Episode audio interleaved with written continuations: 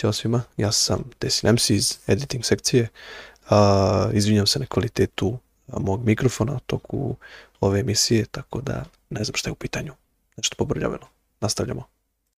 Dobar dan, dobro jutro, lako noć, kako god došao u našu novu emisiju, Planetnika podcast, s vama je tu slomljeni Desin MC, odnosno Nemanja Kovačević.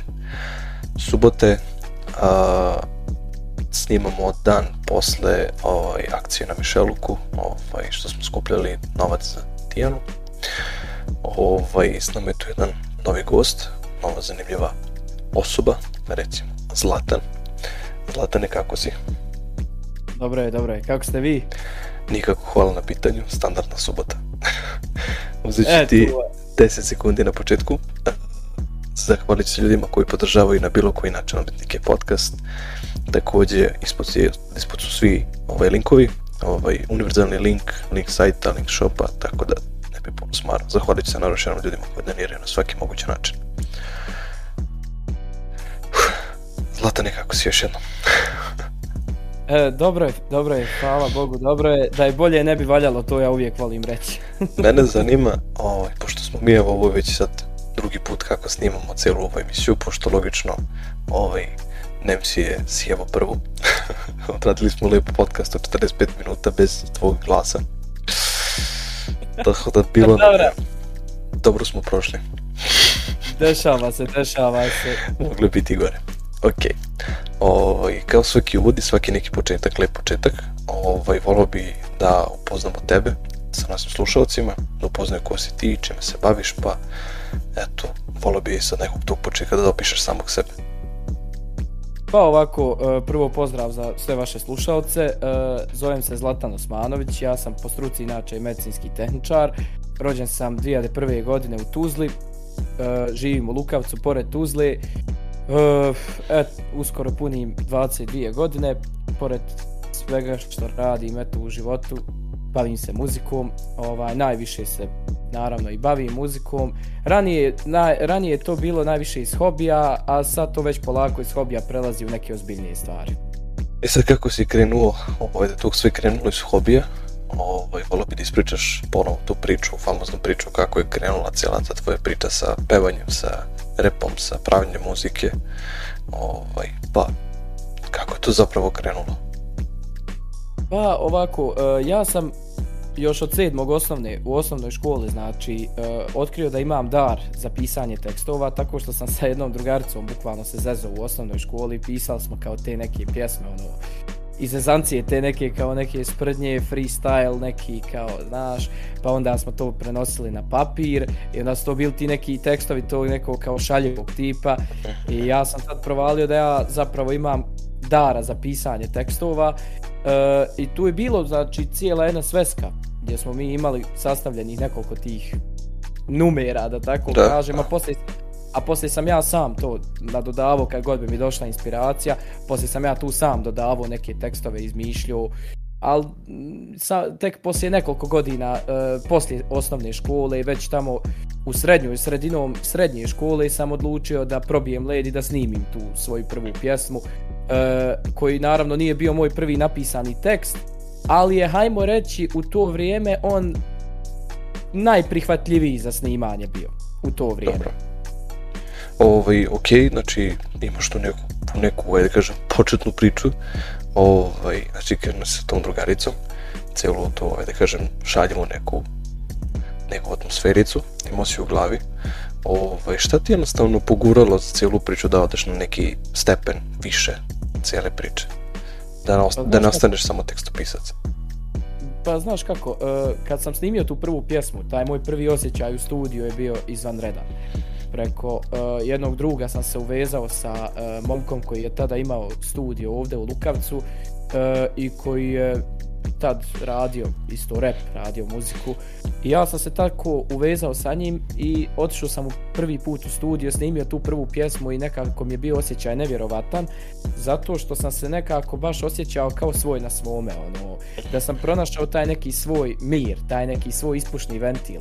Tipa e, nekim ljudima je e, ispušni ventil, ne znam neki sport, neki ima teretana do duše i ja treniram Ovaj, pa sad eto da ne kažem. Da ima nešto uh, uvijek nekima je, Da, da, ne, nekima je, ne znam, nekima je možda izlazak sa djevojkom ili nešto tako.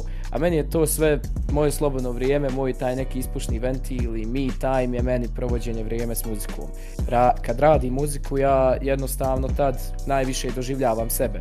I svaki moj tekst je ono napisan uh, iz neke iz neke moje unutrašnjosti, neki mojih unutrašnjih osjećanja što ja osjećam u datom trenutku i uh, nije znači da se ono striktno držim pisat ću sad jedne te iste tekstove, radit ću ovaj tip muzike ili onaj.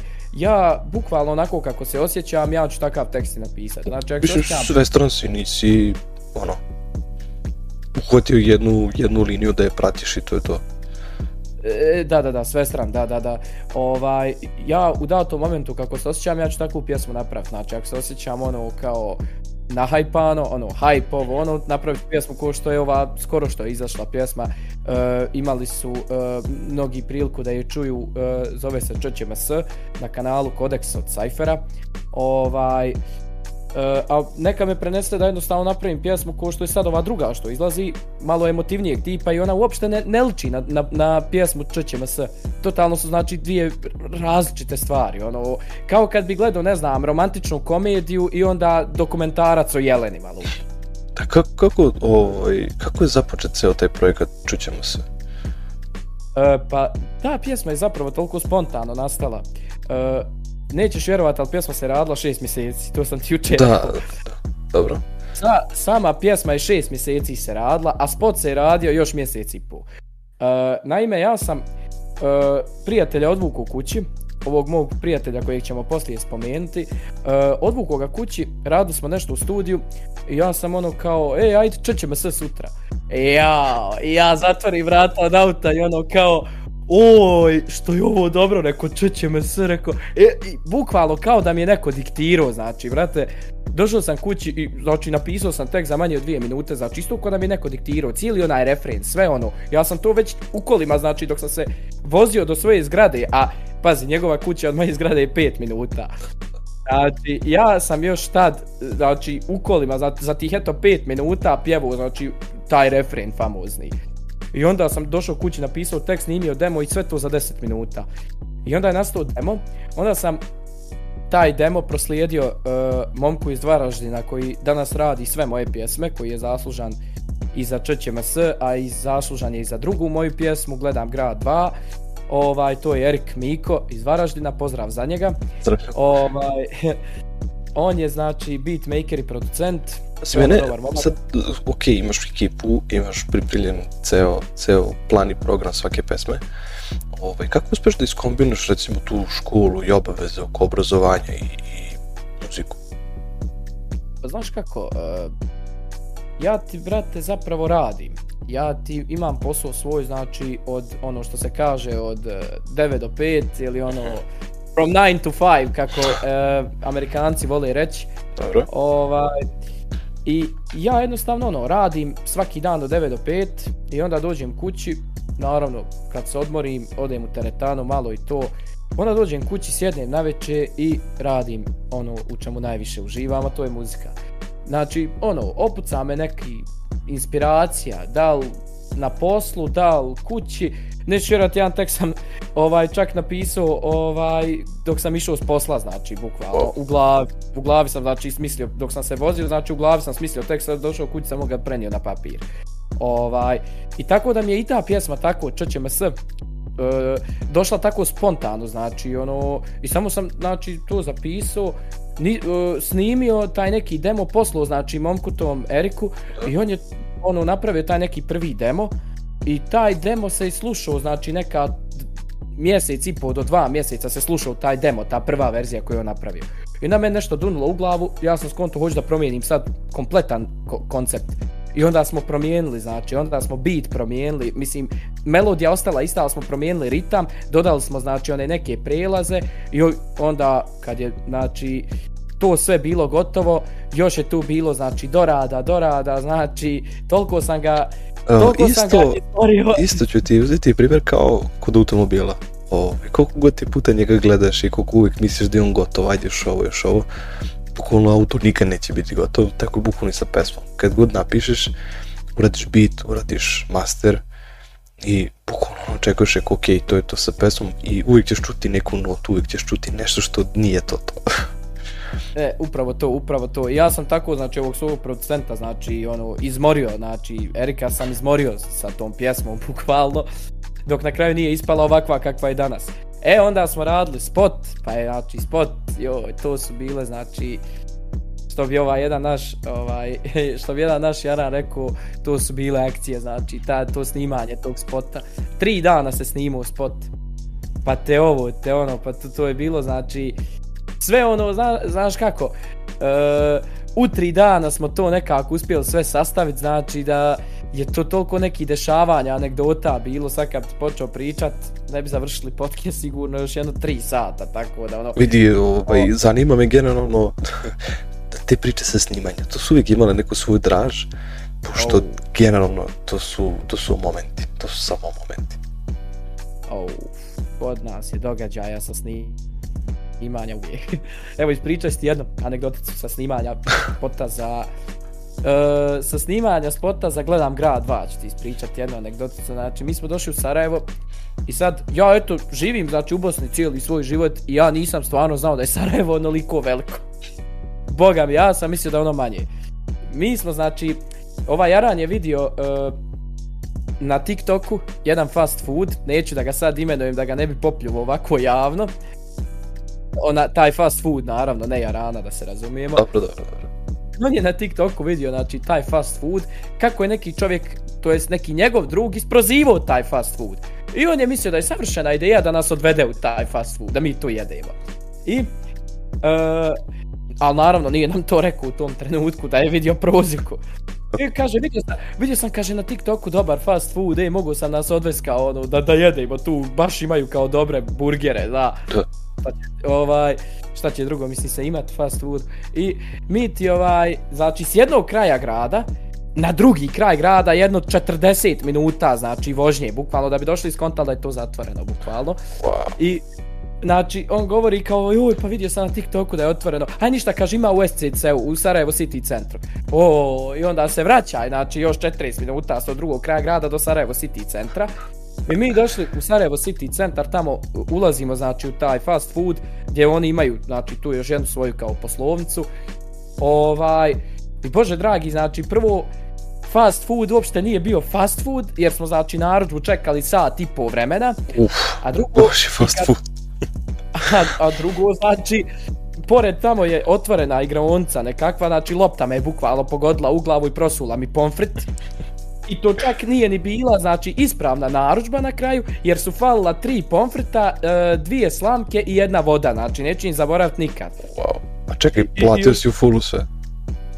U fullu smo sve platili, upravo. A, a došlo nam je, i, i još, još su pobrkali naručbe. Znači, Aranu stavili salatu u sendvič i majonezu, a meni, sta, a, a meni nisu stavili.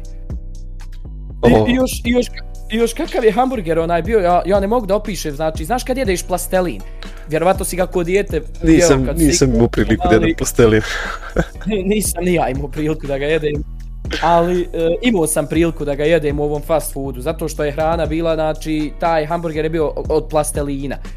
Znači, sir je ko kolaž papir, bukvalno, na, možeš ga uzeti makazama ga rezat, na, mo, možeš hamer papir od njega prav prezentaciju za školu, znači, kako je bio. Uj, I onda nas je bolio stomak čitav dan, čitavo snimanje, pa nismo mogli naći žutu tabiju od sili, znači muka i bolova. Umjesto da smo počeli snimati u 9 na večer, mi smo počeli pola 11. A bili smo u Sarajevu koji je udaljeno 3 sata od nas. Bravo za vas. Pazi, generalno, što se tiče svakog snimanja, to su posebno neko, neko organizovano mesto, ovaj, gde uvijek se desi neka magija, uvijek se neki doživlje zapamti. Ovaj, to je zato što evo, ja bukvalno sad bi trebao da imam na svoje prvo neko snimanje sa automobilom i sa nekom ekipom ovaj, na neki spot. I bukvalno ono, svi su tu sad najhajpovani, svi sređuju automobile, ovaj, donosi led straku, ovaj, ne znam, auto, ne znam, ma sedmicu, pa ga buđe, pa ga sređuje, pa onda ovaj golfa četvorku isto, no, ne znaš koliko konje je stalo ispod toga, te haube, to je, to su tačno neke, neke priče kad dođeš da će svako imati nešto svoje, eto zašto je došao tu. Ovaj, e sad me zanima opet, što se tiče tih izrade spotova, koliko otprilike je potrebno da se izradi neki spot? Pa znaš kako, ja sam prije dosta brzao sa tim projektima, sa spotovima. Ovaj, ja sam prije završavao spotove za, hajmo reći, kao ono, za, ne znam, 3-4 sata. Dok sad, ovaj, sad puno više vremena mi treba, znači, za jedan spot da se završi. Eto, čućemo, sve snimanje je trajalo 3 dana. A snimanje ovog spota je trajalo Pa dobro, ovaj drugi smo uspjeli završiti sve zato što je malo ono jednostavnija pjesma i ne zahtijeva onoliko puno. Sve zavisi od pjesmi.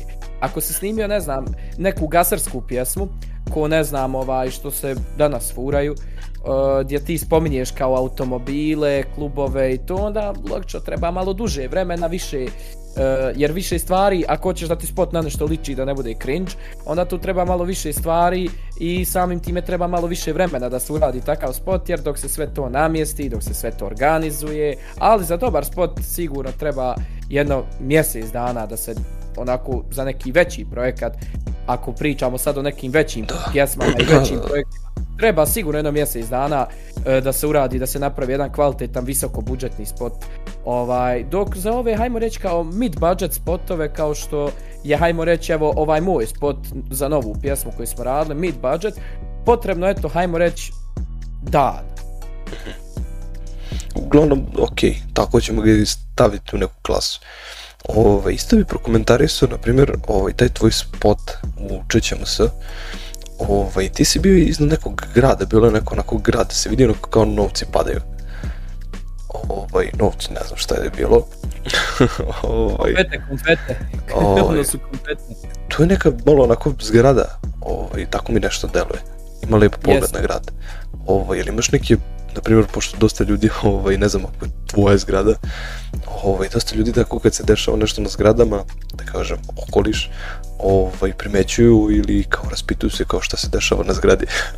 ne znam, jesi imao tako neko iskustvo? imali smo, imali smo, ali od ekipe, ali od ekipe, od strane ekipe, ne od strane ljudi. Aha, znači, e, mi smo se popeli gore na zgradu na 14. isprat, zamolili smo znači e, predsjednika kućnog savjeta da nam da ključ gore od, pokrov, od podkrovlja, pošto, e, ajmo reći, nije za upotrebu ko nije stanar zgrade. I e, mi smo to, ajmo reći, dogovorili i mi smo došli gore. Svi smo išli liftom, osim jednog jarana koji se popeo pješe na 14. ispratili na strah to. Popeo se pješe na 14. isprati gore, gospođa koja je gore sjedila, on je, i to došao je prije svih nas, to je najjači.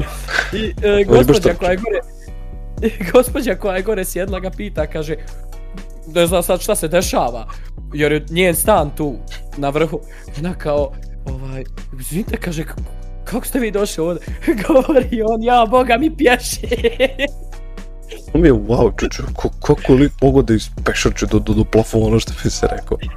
E, vjeruj mi, taj čovjek nije sa zemlje, on je, on je on je vanzemaljac, tako da nema ništa, nije teško. Mi smo, ovaj, kako se zove se, mi smo onda došli gore, počeli smo snimat sve to, ovaj, joj do žena gleda konta, bož dragi, ovaj, ali, ali svidjela im se pjesma, tako vidio sam da i oni ono vajbuju malo va, uh, iza kamere tamo, pa kad smo one konfete i ono sve ono stvarno ispalo ja nemam riječi iskreno. Najbolji šatovi spota su mi ti sa zgrade. Ovaj, Tuzla, prelijep grad, stvarno, izdominirala je spotu. Ovaj, a sad za pesmu isto, ovaj, kako se zove, Gledan grad, ovaj, taj prvi deo, na njega se ovaj, ostavljam. Pošto si ovaj, napomenuo, kad smo pričali, ovaj, da, da si planu da se izradi kompletna pesma, ali u drugom delu, da kažem, drugi deo cijela pesma na e, malo pa, ovo, sličan način.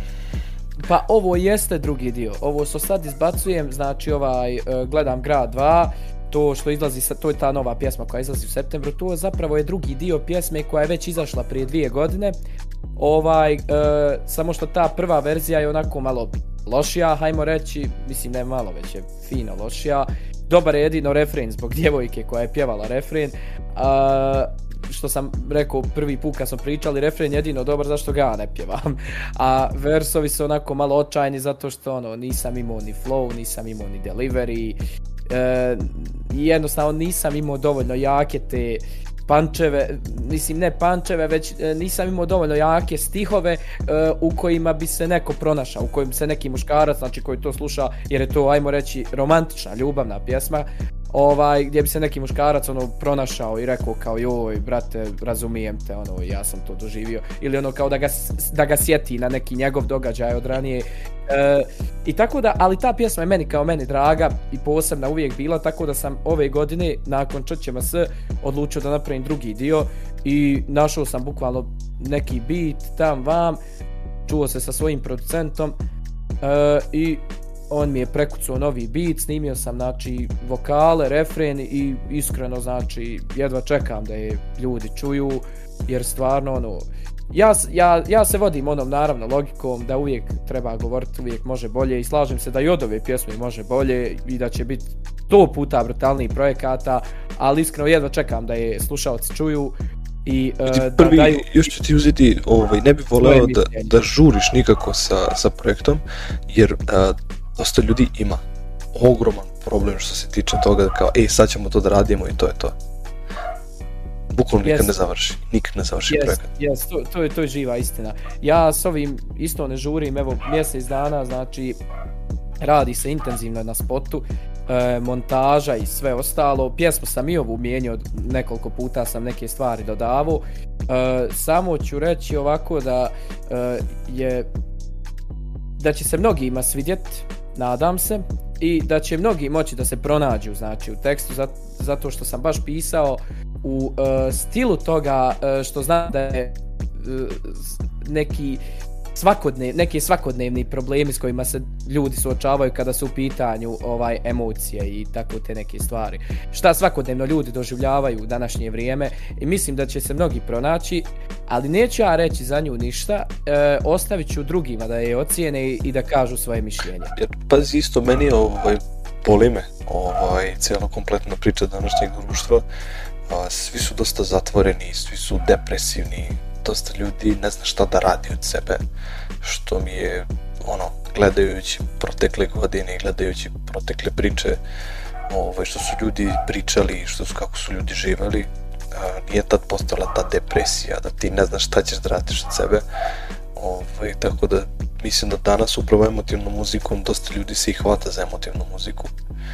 Što se kaže, sedne i traži neki bit, neku pesmu koja izuzetno mnogo odgovara upravo verujem da će ovaj pesma Stari grad naći neke ljubavne ljude. Da, da te ispravim, gledam grad. Gledam grad, izvini. Ovaj, tako da generalno mislim da tako neke neke priče i tako neke projekti će sigurno zaživeti. Ovaj, pa iskreno se nadam da hoće, izvini, prekidate. Da, još sam nešto teo da pitam, to je jednostavno taj studio koji imaš, ovaj, pričali smo jednostavno o tome, da kažem, spominjali smo, ovaj, ti si napravio svoj taj neki studio, počeo si od nule, pa me sad zanima odakle sama ideja za tim samim studijom. Kako, kako si jednostavno se odlučio da ga, da ga stvoriš? Pa ovako, uh, ja prije dok sam radio muziku, znači radio sam po tuđim studijima. Već sam ti rekao, prvu pjesmu sam znači snimao ovaj kod drugih ljudi i e, ostale pjesme u to vrijeme kad sam tek počeo, znači počeo sam u drugom srednje da snimam muziku i da to hajmo reći kao prenosim na ovaj zvučnike.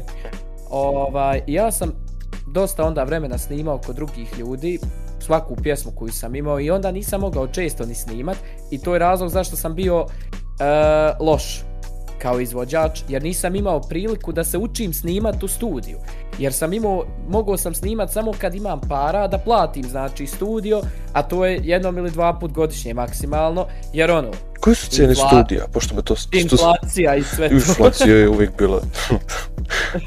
oh. Dobro da se sad ne vadim na neku socijalu, mislim, ono, kao mladić u to doba, bitnije mi je logično bilo izaći negdje, malo se provesti. Tako je. Iz, izvest, djevojku, izvest djevojku na piće ili nešto tako, nego sad kuckat sve na studio. Ovaj, ali cijene studija općenito zavise, nisu kod svakog iste. Uh, ali uh, ako hoćeš neki dobar zvuk i neki dobar studio, to sigurno jedno 200 eura, znači moraš 100% izdvojiti. Da izdvojiš da bi radio taj tvoj projekat? Uh, pa dobro, ne, ne kažem da su to kod mene cijene, ali kažem ono, šta je, hajmo reći, neki standard kod ljudi. Mada ljudi danas hoće, što većina artista, što sam ja primijetio, u današnje vrijeme većina artista hoće kvalitet, ali da je džaba. Razumiješ, ono, da, svima da im, ne kažem sad, ok, ne svima, ali većini, razumiješ, da im je profesionalan zvuk i da je to sve, da grmi, da je super, ali da je džaba. Da se ne plati, znaš. I ja sam se to stvarno uvjerio u današnje vrijeme, ne govorim sad neću da kažem u, u mom slučaju, da su meni dolazili takvi, mislim bilo je takvih pacijenata i kod mene, ali ovaj e, vrlo malo. Ali vidio sam kod drugih ljudi i na što se općenito producenti i e, studio owneri žale, ovaj, e, to je definitivno, to se slažem. A ja sam svoj studio, kad sam shvatio da trošim previše novca, kad hoću da snim neku pjesmu, da trošim izuzeta novac na to, ja sam ovaj e, jednostavno po počeo da se družim sa e, jednim momkom kojeg sam znao ono kroz srednju školu, ali spontano smo počeli da se družimo, stupili smo u kontakt vezano za jednu pjesmu koju je tadašnji njegov klijent snimao kod njega, ja sam pisao tekst za tu pjesmu.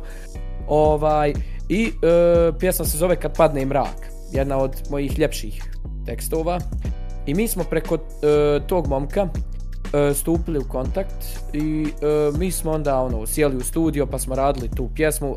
On je e, taj momak je snimao, isto se bavi muzikom, ovaj i uh, on je snimao tu pjesmu. I uh, pošto smo surađivali na tom projektu, ja i uh, taj moj koji mi je predložio da kupim studio, prvi e, prijatelj, znači mi smo počeli malo intenzivnije da se družimo, da malo više sjedimo, pričamo i to. I on je meni jednostavno objasnio neke stvari, objasnio mi da sam debil, jer jesam bio debil, zato što, pa ne, zato što realno E, loše su mi zvučale pjesme, nisam imao flow, nisam imao delivery, tekstovi su mi bili onako bare bare, ali ja ako izvođač sam bio loš. I jednostavno, on mi na kraju rekao, druže, znači, nemoj bi budala da te ljudi, razumiješ, ono, da ti ljudi, razumiješ, ono, uzimaju pare, a da si ti sve lošiji i lošiji. Već jednostavno, to što trošiš pare na druge, znači da ti drugi rade pjesme i da snimaš kod drugih ljudi, bud čovječe pametan i kup svoj studio. Kako ti to znači nije dotad palo na pamet? A što znači jest. Padalo mi je na pamet, ali sam ja živio u zabludi da mi treba najmanje 4-5 hiljada maraka. Zato, dok, dok mi on bukvalno, znači nije ono, otvorio oči, ušao na pik i rekao, evo vidiš ovo, 500 maraka, pek, kupiš sebi Focusrite, Steinberg, znači nebitno imaš svoj studio kod kuće i snimaš, brate dragi, znači do mile volje uopšte ti ne treba neke velike pare. Ja ono, pošto nisam neki tip koji voli da istražuje sam i nisam to dotad vidio, ja sam se ono iznenadio i bio sam u fazonu, jebote, pa stvarno vidi koja sam ja budala. I ja onda sam otišao u Njemačku, počeo da radim tamo malo nešto kod Dajđe u restoranu. Inače, ovaj, Dajđa mi se isto bavio muzikom, da napomenem u mojim godinama. Čimo si iskustvo opet još nekog? Od njega sam, ajmo reći, povukao tu liniju, pošto Idajđa je u uh, svoje vremeno snimao pjesme, čak je bavio se i produciranjem. Svir, on svira preko 20 instrumenta. Preko I od njega 20? sam, ajmo reći, to, da, da, preko 20 instrumenta i piše tekstove i uh, imao je svoj bend i oni su snimali tadašnji onaj, kako da kažem, XU tadašnji. I on su imali svoj bend i on je snimao tako isto i bavio se muzikom i on zna kako je to. On je u mojim godinama iste stvari radio i producirao i svirao i pjevao i pisao tekstove i ja sam ga zamolio da dođem kod njega neko vrijeme da radi malo u tom restoranu kao ispomoć i on mi je to uspio nekako srediti. Ja sam tamo uspio da skupim prve pare, da kupim prvi pack taj za studio i onda sam se vratio ovdje, kupio taj prvi kao ono pack Steinbergov I krenuo sam onda polako, znači da snimam, da, da se trudim, da učim sam sebe i onda se i po, postepeno znači popravio i flow i delivery i sve je onda došlo na svoje. I glas i sve, onda sam uvježbao i glas i sve sam, znači sve je tada apsolutno došlo na svoje. I ovaj onda sam vremenom kako sam uspio, kako sam zarađivao malo i od studija, malo i ovako što sam uspio da uberem od nastupa ili nečega takvoga, buđio polako opremu pa sam onda kupio i te profesionalne monitore studijske krkove, ovaj poboljšao sam mikrofon, sam uzeo bolji i tako da sam onda na kraju napravio ovo sve što danas ima. Ko ti je bio, da kažem, najveća podrška u cijelom ovom radu, u cijelom ovom putu? E pa, teško je ikoga izdvojiti. Mogu reći roditelji da su mi bili velika podrška. ovaj, zato što umjesto da su ubijali u meni taj potencijal i taj moj dar, oni su me podsjecali, uvijek mi govorili radi ono što voliš sine i dok te to ispunjava radi to, nemoj samo nikada zaboraviš na svoje primarne obaveze, a u svoje slobodno vrijeme bolje radi to nego da se drogi. Bolje bi da radiš to nego da se drogiraš ili nešto tako. Pa vidi, ovaj... Ovaj, uvijek je bolje biti na nekom normalnom putu nego jednostavno skrenuti previše gledajući ove današnje ove moderne popularne pevače znači to je to kad mislim, meni je to tužno ovaj, da, da, primjer, mislim znaš cijelu priču kako je trenutno ne stradi ovaj, ti ljudi koji su gore to je jednostavno haos i mogu da verujem da takvi ljudi su uzor mladima Jest, jest. A ja vidiš nisam tip koji, mislim, ja ću sad evo reći jednu stvar. Nisam završio samo što se tiče podrške, uh, samo da to kažem. Znači, prvi roditelji, onda uh, prijatelji, znači uh, jedna od većih po, jedna od uh, većih podrška, znači uh, veća ili ti ga hajmo reći ovaj uh, najveća podrška od prijatelja, ko su mi bili, znači, bio je prvo moj najbolji prijatelj s kojim se družim 13 godina, onda uh, bio je, znači, po, uh, poslije njega koji mi je pomogao, znači, oko cijelog projekta Čoćema S, ovaj i oko spota i oko pjesme i apsolutno znači oko svega. Ovaj moj prijatelj koji mi je 13 godina znači sam se družio s njim on je na početku mene posticao on mi je zapravo probio taj led da snimim prvu pjesmu. On mi je bio podrška na samom početku a onda poslije njega je došao moj prijatelj znači Azur s kojim radim ovdje u studiju. On je isto znači ono artist, ali uh, on više radi ovako kao vizuale, uh, eh, artove za Spotify i to i za omote, kako da kažem, artove za albume i to ovaj za druge artiste, ali i on snima i on kad ima vremena snima ovako pone, snimi poneku pjesmu izbaci ovaj znači veliki pozdrav veliki pozdrav ide iza njega ovaj on mi je stvarno pomogao puno uradio je znači dosta toga za mene po pitanju, znači pjesme Čoćemo S, smislio je kompletan scenario, uh, scenoslijed, e, scenografiju, uh, ra, u opisu ga ima, znači najviše ima njega u opisu, eto, dosta je toga stvarno uradio, ovaj, i uh, podržavao, mene nalazio sa mnom, znači i auta, i uh, išao sa mnom, da klub iznajmimo, da se čujemo s ljudima. Koliko ste imali ovaj... tada godine kada se sve to snimalo? Pa čućemo sve izašlo ove godine. E, ne, za stari grad recimo, ajde za njega isto. To se isto Gledam grad. Gledam grad, izvini. Da mu muziku prva, je. prva verzija gledam grad, jel? Da, prva verzija, prva verzija, za nju pričam. E, prva verzija, pa imao sam nekih, eto, 20 godina. Nisam, u stvari, imao sam 19. 19 godina sam imao, tad, te godine sam punio 20. Kad se prva verzija radila. I, I tad sam imao dosta podrške od prijatelja, ono, prijatelji su mi uvijek bili podrška, pravi istinski prijatelji, ali, oni, ali, ne, ali ne oni koji ti kažu kao za sve ono što ne valja, kao ej brate, dobro je, izbaci to, bit će vr.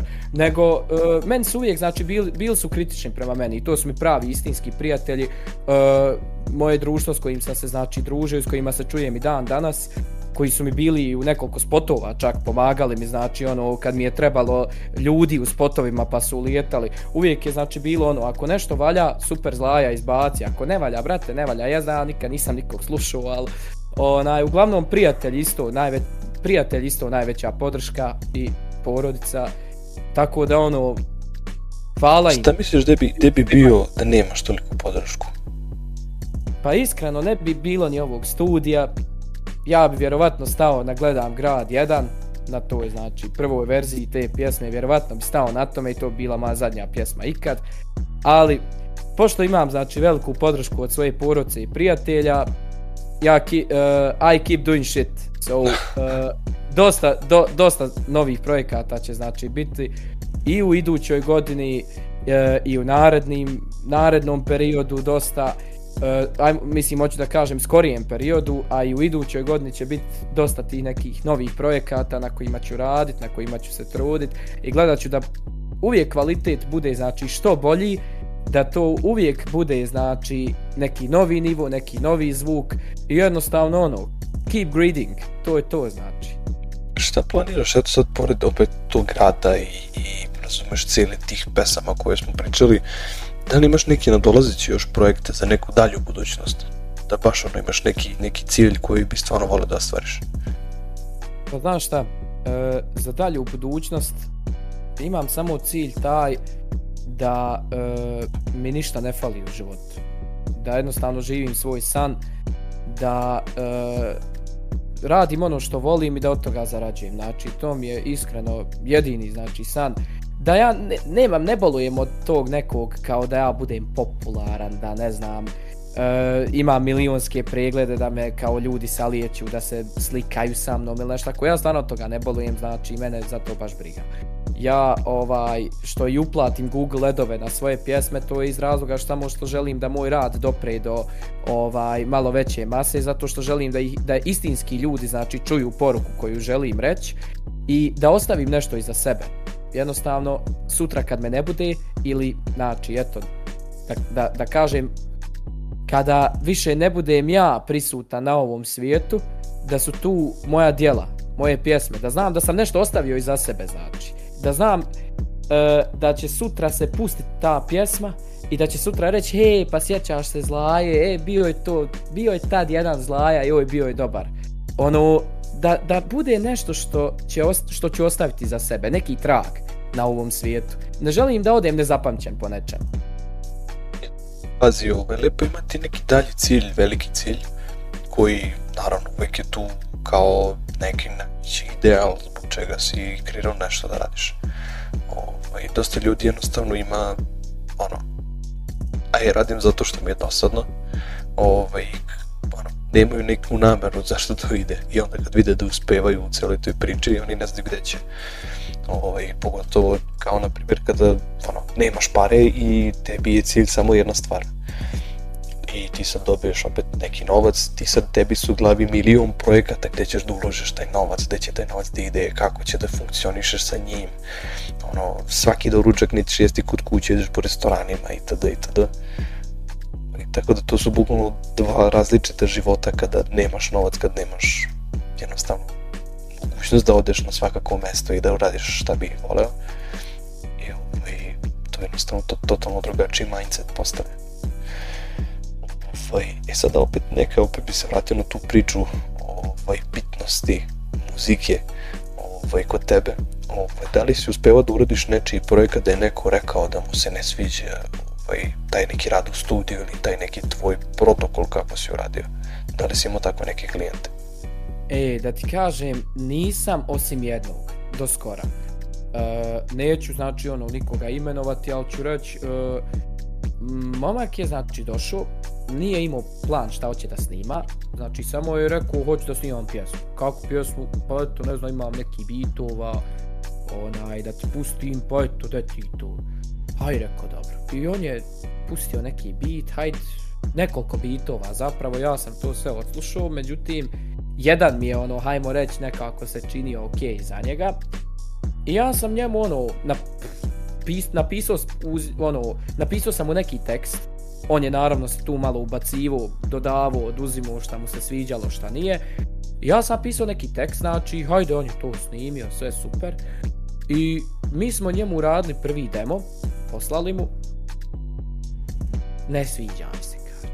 Ne valja mi to, to, to. Hajde, dobro. Možda se desiti, bili smo svi u frci, trci, ovo, ono. Pa možda nismo posvetili, rekao, dobro, dobro, dobro, nije problem, hajde da ponovo uradim jer čovjek je odmah platio, razumiješ, a meni kad se nešto meni kad se nešto plati, razumiješ, ja ću to završiti pa makar umru. Znači, ovaj, ili ću ti vrat novac. Znači, ili ću ti vrat novac, ili ću ti završiti. Kod mene nema, znači, ono kao, ajde, vrate, bit će projekata, ili da samo nestanem. Znači, ja sam pošten i ovaj, kod mene je, ili ću ti vrat pare, ili ću ti završiti. I ajde, drugi put, treći put, peti, deseti, petnesti put čovjeku se ne sviđa. Al fazon je što znači toliko puta smo mu pokušali napraviti šta god uradimo, što je najjače, e, šta god mu uradimo, njemu se ne sviđa. Znači kako god da mu napravimo, radili smo, znači radili smo mu pjesmu kao što bi radili sebi. dao sam znači da ra, dao sam ljudima da rade znači kao što bi napravili meni pjesmu bukvalno ili kao što bi ja napravio sebi pjesmu stvarno toliko truda i rada smo uložili i toliko smo se trudili ali jednostavno čovjek je nezasit kako god da mu Bilo da rešiš takve situacije Znaš kad je neko nezasit i kad ti nekom ne možeš objasniti, znači kako god da mu napraviš, njemu se ne sviđa. Ono, tipa, ne znam, pošalješ mu, znači, demo, on kaže ne valja, ne sviđam se demo, pošalješ mu i kaže ispravi to, to i to. Ja to ispravim, mislim mi to ispravimo, ovaj, i znači kad smo bukvalno napravili, on opet rekao ne valja, fino, a, a fazon, znači tamo desetu verziju kad smo mu napravili, bio je kao u fazonu, i znaš šta, dobro je ovo, samo još malo sreže neke frekvencije i bit će to super, zna, mi mu srezali frekvencije, čovjek kaže, joj, ne valja, ipak nije onaj prvi demo bio bolj. A bože, dragi, znači, čovjek ne zna, rekao, ti, ti znaš su pošao ili došao, znači, čovječe, dragi, ono, i, i je fino, lijepo, ja sam njemu na kraju rekao ovako, vid kralju, ja što je fino lijepo vrat, pa rekao, isti dao za mix, i evo tebi ovaj projekat, i aj ti svojim putem. Znači, ne mogu da verujem da, na primjer, u takvoj nekoj situaciji, ovaj, znači, ti dolaziš prvo u studiju, ovaj, znači svaki artist, eto, kog sam ja uspio da upoznam i da pričam, znači to su projekti već neki u glavi, to je jednostavno samo potrebno neko ko se razume u studiju da ti isprati celu tu tvoju ideju. I to baš da dođeš ne pripremljen na celu priču i da ti kažeš, e, ja želim, da ne znaš šta želiš, ogroman problem. Ogroman. Oj, ogroman, ali valja se znati sad ti nos... Mislim, ja momka razumijem, ok, ne sviđa se u redu, ne sviđa se kako, ali jednostavno e, moraš i ti sam sa sobom znati šta hoćeš. Ne možeš ti doći meni u studio i ti mene učiti i kako se radi i ti meni govori znači šta ja treba da radim, a nemaš, razumiješ, nisi, ne razumiješ te toliko u to.